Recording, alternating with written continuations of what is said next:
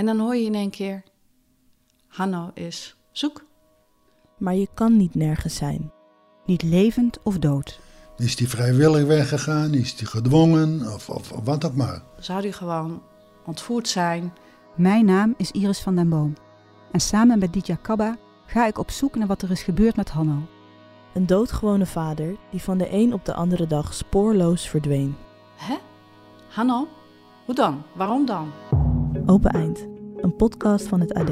Vanaf 27 mei te beluisteren via je favoriete podcast-app en ad.nl/slash podcast. De terreinen van Boer Gert worden in 2018 en 2019 geteisterd door branden.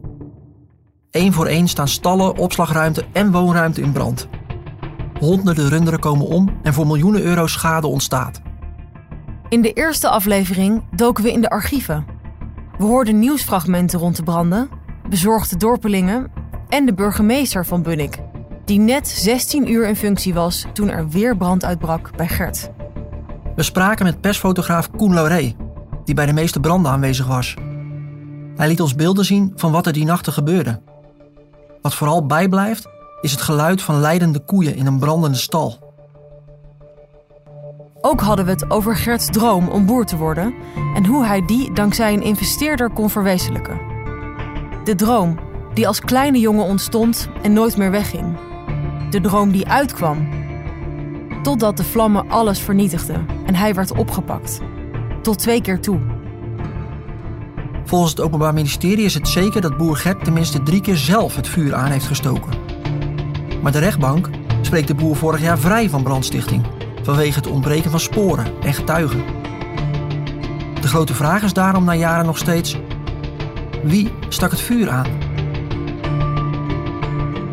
Wij zijn Marco Gerling En Josselin Gordijn, verslaggevers bij het AD. Je luistert naar de podcast Dicht op het vuur. Dit is aflevering 2. Een vernietigend rapport.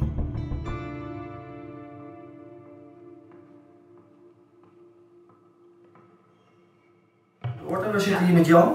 Ja, En wie is Jan precies?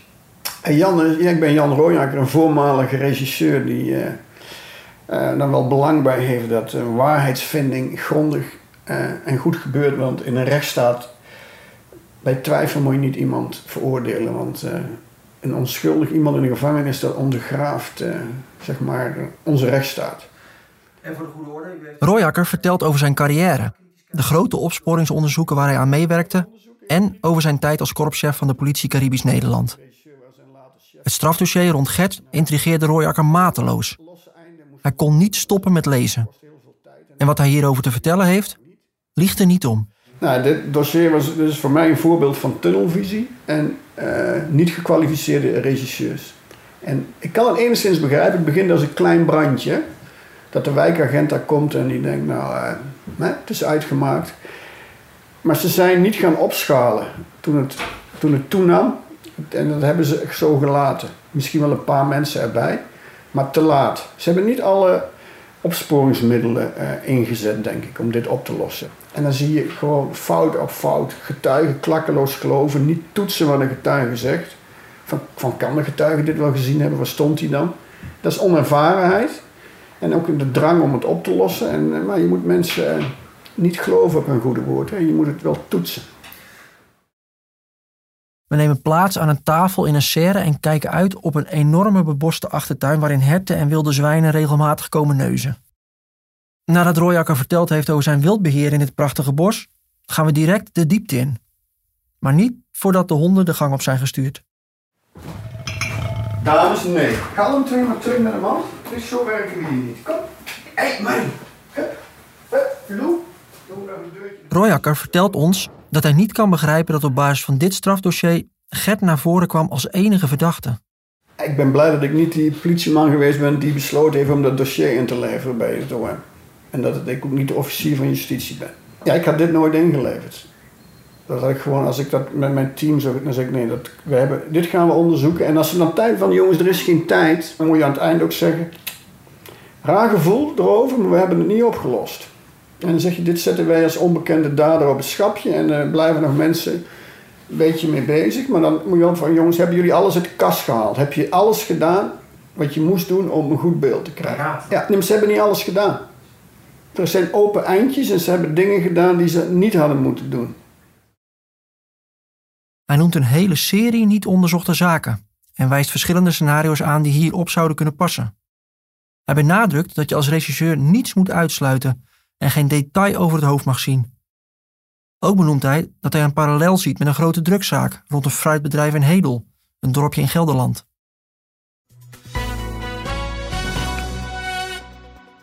Vandaag stonden vier verdachten in de afpersingszaak van fruitbedrijf De Goot in Hedel voor de rechter.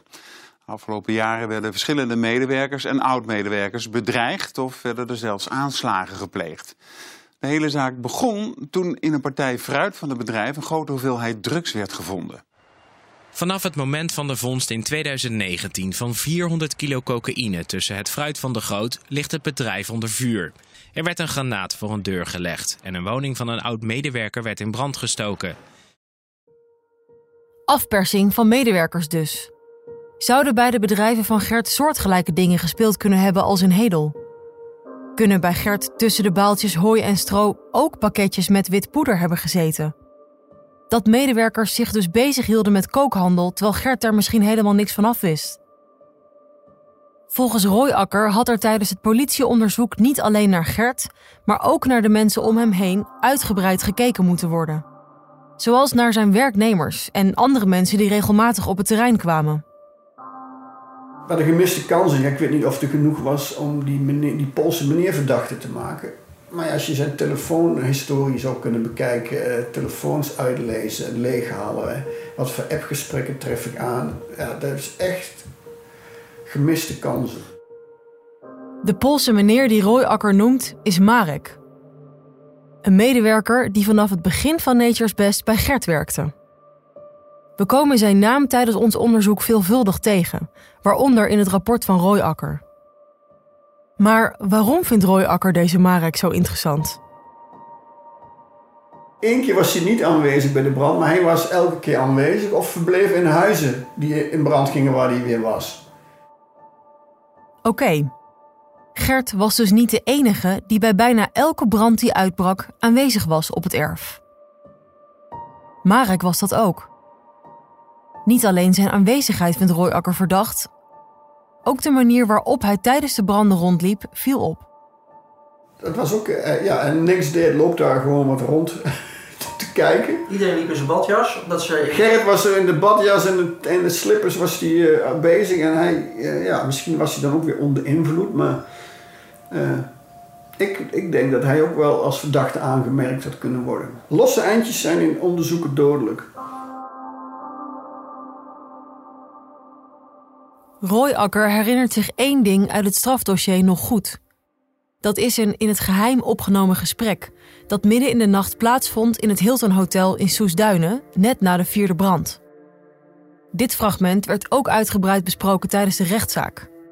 Wij kennen enkel de uitgeschreven versie hiervan. Het is een gesprek tussen Gert, Marek en een beveiliger, waarin Marek met allerlei suggesties komt over wie er achter de brandstichtingen zouden zitten. Al die kennis maakt Marek op zijn zacht gezegd een persoon om nader te onderzoeken, vindt Royakker. Hij noemde geldbedragen, afpersing, kon je het naar terugvoeren. Maar hij noemde namen, dus ik denk, nou, ga dan dat even onderzoeken. Als hij dat dan per ongeluk zegt, had hij later, toen hij weer nuchter was, kunnen zeggen...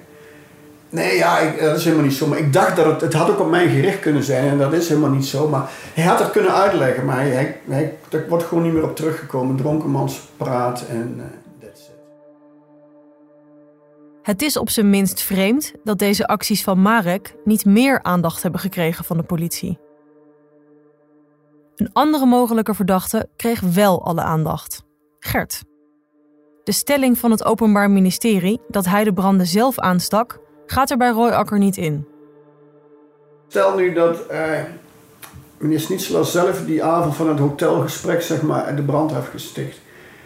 Ben je dan zo geraffineerd om een dronken iemand, dan een, spoor naar een andere organisatie, ben je dan zo geraffineerd, dan denk ik dat hij niet is. Want dan is het gewoon een hele slimme man. Die denkt, ik heb dat gedaan, dan gaan ze naar mij kijken, maar nu met die dronken Marek, die zit nu onzin te kletsen. Ik ga even bewaken bellen en dan laten we hem dat zeggen. En dan is mooi van mij af. Nee, dat, dan, dat, Te doortrapt, dat, zit er, dat gelooft u gewoon niet. Dat nee, nee, daar moet je dan echt over nadenken. En het geluk hebben dat hij eh, dronken is. Nee, dat geloof ik niet. Nee. Maar wat als Gert of Marek het niet heeft gedaan? Wie dan wel? Naast Marek zijn er volgens Roy Akker meerdere open eindjes en ook andere mogelijke verdachten. Het kunnen meerdere daders zijn. Mensen die van de gelegenheid gebruik hebben gemaakt. Eh, Dus het kunnen branden zijn die onafhankelijk van elkaar hebben plaatsgevonden. En is er wel een link te leggen met lopende conflicten? Of zouden de branden ook simpelweg gesticht kunnen zijn door een pyromaan? De pyromaan, is, uh, denk, die sluit ik in principe wel uit, want die zou doorgaan. Ik denk niet dat de branden direct erop gericht waren om alles af te branden hoor. Ik denk, de eerste lijkt mij net of het een signaaltje is. Een waarschuwing. Ja, want als je echt zegt van nou ik ga nu even, dit moet nu weg. Dan denk ik dat ze het anders, een brandstichter het anders zou doen. Steek je alles in één keer in de fik. Ja. Ja, dus dit lijkt erop van eh, gewoon signaaltjes van eh, er moet geld over de brug komen of jij moet weggaan hier. eh. zo lijkt, maar dat is allemaal niet onderzocht. Roy Akker is duidelijk. De branden zijn in zijn ogen een gerichte boodschap. Ja, maar er is ook nog een ander scenario. Hij was uit de kast gekomen. Hè? nou, als je hem dan niet wilt hebben in de buurt, kan ook nog hè. Maar is dat, is dat voldoende om, om zijn hele toko in de fik te zetten, om iedereen in gevaar te brengen? Nee, nee dat, zo was het begin ook niet hoor. In, iedereen in de fik zetten. Het waren kleine brandjes, het kunnen treiterbrandjes zijn, ook waarschuwbrandjes. Dus eh, je weet het gewoon niet. Ik heb niet dan de overtuiging om te zeggen van nou we gaan nu alles afbranden. We gaan gewoon nu op meerdere plekken brand stichten en eh, voordat de brand weer erbij is, is het, eh, is het weg. Zo leek het mij niet, eh, zo leek het begin niet. Het was wel gericht aan het adres van eh Gerrit. Of Iemand het die bedrijf, ja, of iemand die daar deel uit maakte van het bedrijf. Wat Roy Akker ook opviel, was een Facebook-hack. Een inbraak in het account van Gert rond de tijd van de branden. Op het account van Gert werd de foto geplaatst met daarop een Duits landgoed. Dat landgoed is eigendom van zijn investeerders. Daarmee komen dus ook ineens de investeerders van Gert in beeld. Daar heb ik het onderzoek verder niet op gericht, maar dat Facebook plaatje dat houdt me, hield me ook heel erg bezig. Daar stond eh, een landgoed en de eigenaren van het landgoed waren ook de geldschieters van het bedrijf van eh, meneer Snitsela. Hij zegt dat het gehackt werd. De politie heeft dat niet onderzocht, ik ook niet, maar ik kon wel zien dat ze, dat kun je aan Facebook zien, dat het gepost was in Rotterdam. Daar zegt meneer Snitsela van. Het Facebook-account van die Pool was ook gehackt. Die werd ook gebruikt. En de zwager zegt, Gerrit die gooide zijn paswoorden overal neer, die kon je gewoon overal pakken. De politie heeft dat gewoon gelaten, heeft er wel naar gekeken van eh, gewoon een schreeuw om aandacht. En dan kunnen zeggen, ja het is vergezocht. Ja, maar je kunt het gewoon onderzoeken. Oké, Roy Akker noemt een hoop opties. De branden zouden volgens hem te maken kunnen hebben met werknemers, en Marek in het bijzonder, of met de coming-out van Gert. En ook noemt hij de investeerders. Het lijkt erop dat politie en openbaar ministerie veel zaken nauwelijks hebben onderzocht. Misschien vanwege te weinig mankracht? Misschien was het uit onkunde, zegt Roy Akker. Maar dat veel vragen tot op de dag van vandaag onbeantwoord zijn, dat staat vast. Roy Akker besluit Maar misschien vinden jullie wel andere dingen wat super interessant is. Jullie hebben een lastige... Maar wel interessant. Ja, absoluut. Het houdt ons in ieder geval bezig. Zeker. Ja.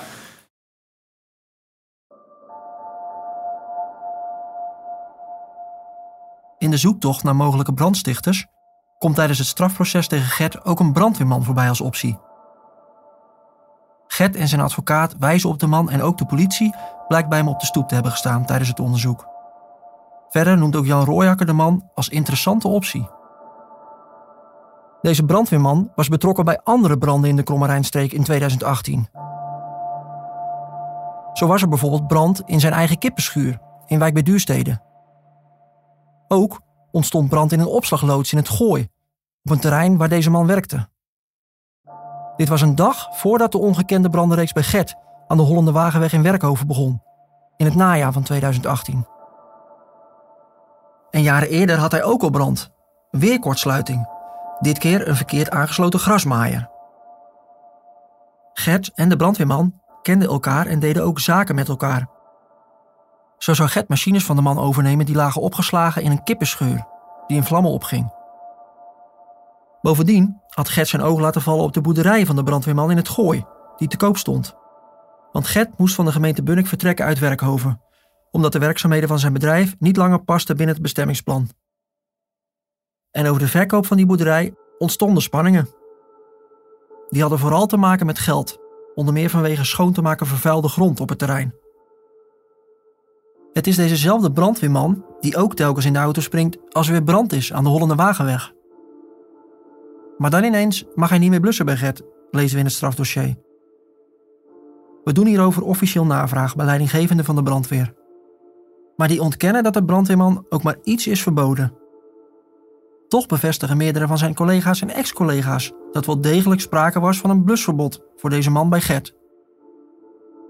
We doen daarom verschillende pogingen om in contact te komen met deze man en zijn vrouw. Maar direct tijdens het eerste telefoontje wordt boos opgehangen. En tijdens een persoonlijk bezoek aan de deur krijgen we te horen dat ze niet officieel met ons in gesprek wensen te gaan. Voor hen is het hoofdstuk afgesloten.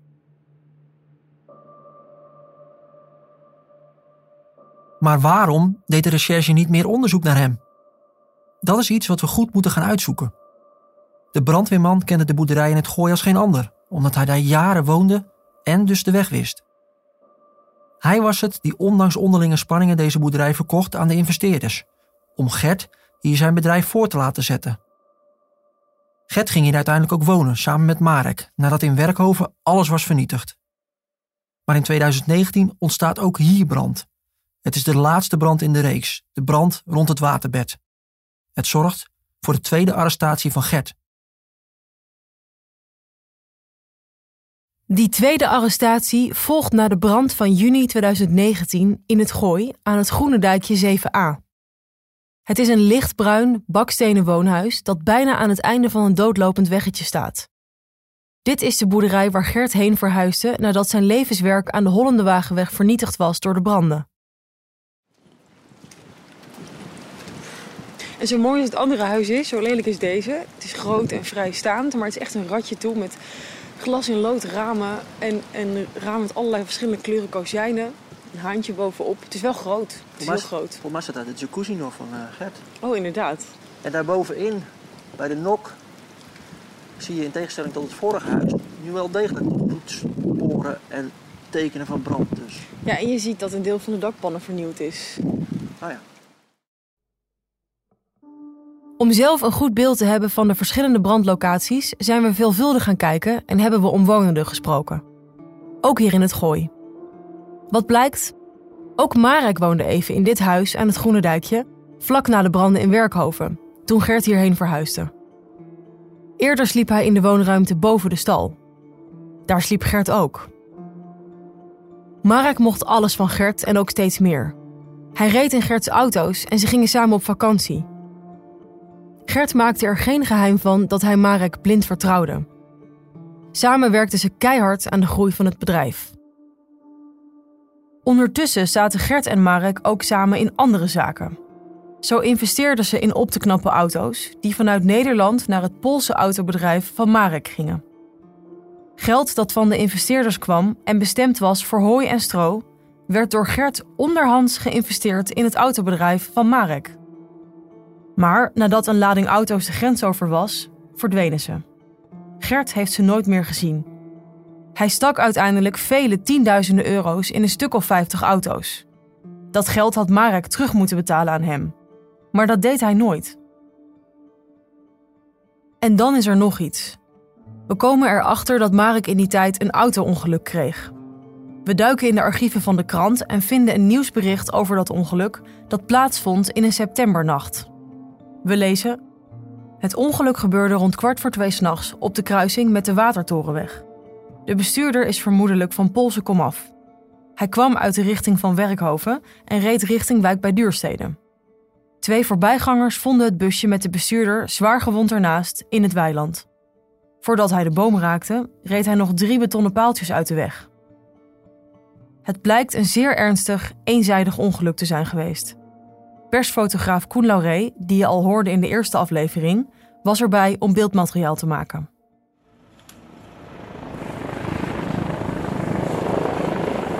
Het geluid wat je nu op de achtergrond hoort, is de traumahelikopter die ter plaatse komt met een arts aan boord.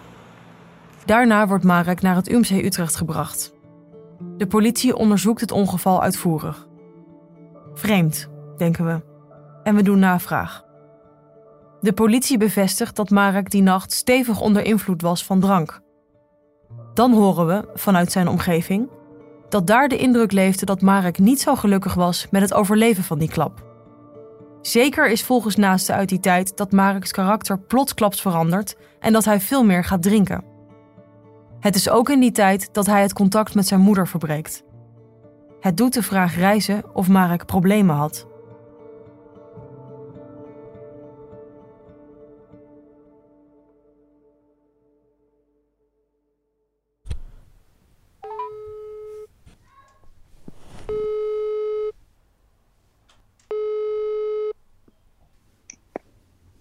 Met Gertjan.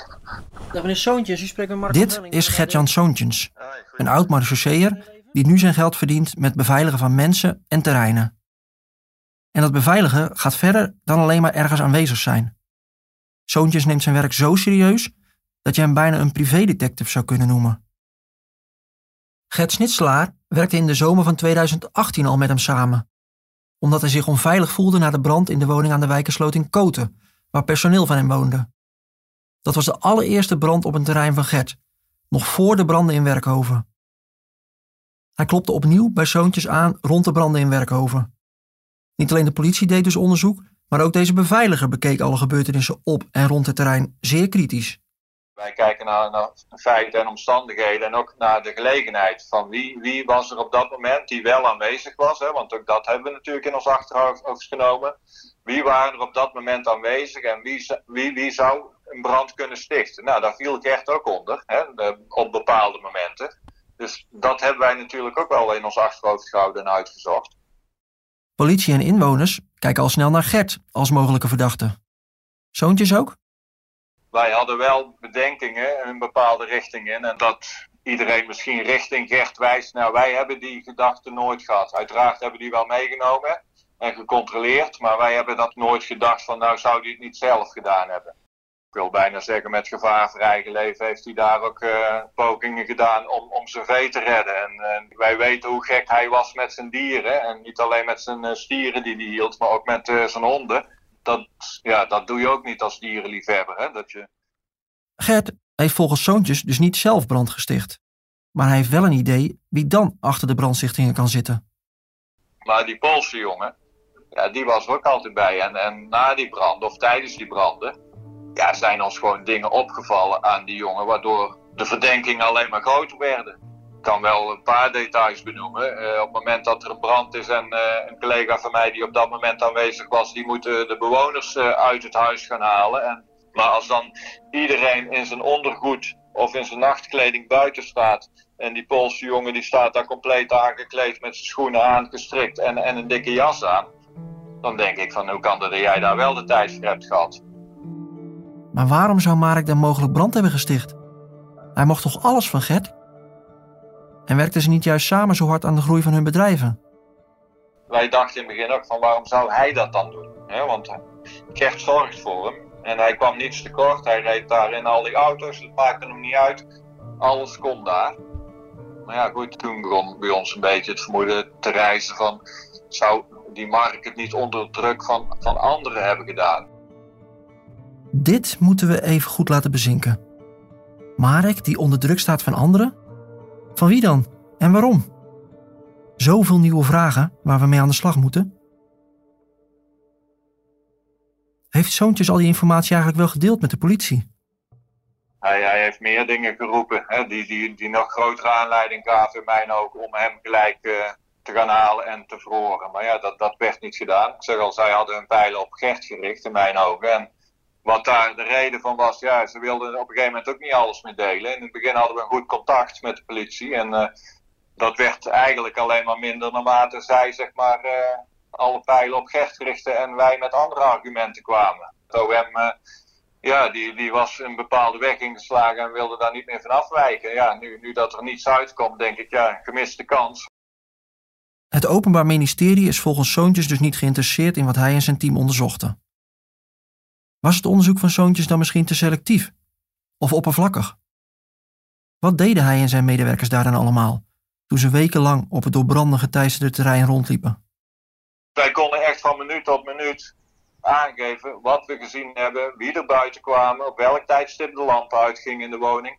Dus noem maar op, alles is vastgelegd en alles is gedeeld. En ja, dat leek mij voldoende informatie om, uh, nou ja goed, misschien hebben zij daar de tijd niet voor genomen, maar wij analyseren alles en maken daar ook een tijdslijn van, zodat wij echt duidelijk in beeld krijgen wat is er nou precies gebeurd. En niet alleen die avond, maar op meerdere, meerdere avonden. Kijk, als wij zien dat ze elke avond om 12 uur naar bed gaan en er is een, avond dat gaat om 3 uur pas het licht uit.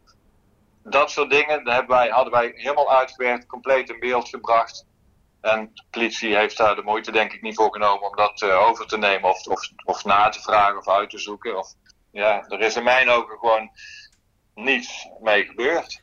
Dat heb ik toen ik opgeroepen werd als getuige ook uh, proberen duidelijk te maken. Maar goed, dan, dan heb je daar natuurlijk met uh, nou ja, uh, de rechters en de advocaat en, en het Openbaar Ministerie te maken. Die dan eigenlijk alleen maar antwoord willen op of, of een vraag stellen en daar het antwoord op willen horen wat zij graag willen. En niet met argumenten waarom ik een andere mening heb. Dat was mijn ervaring tijdens de getuigenverhoor. Dat ik denk van ja, wat, wat doe ik hier eigenlijk? Hè? Je, leg, je probeert me dingen in de mond te leggen en als ik een andere mening heb of dingen uit wil leggen, krijg je de kans niet.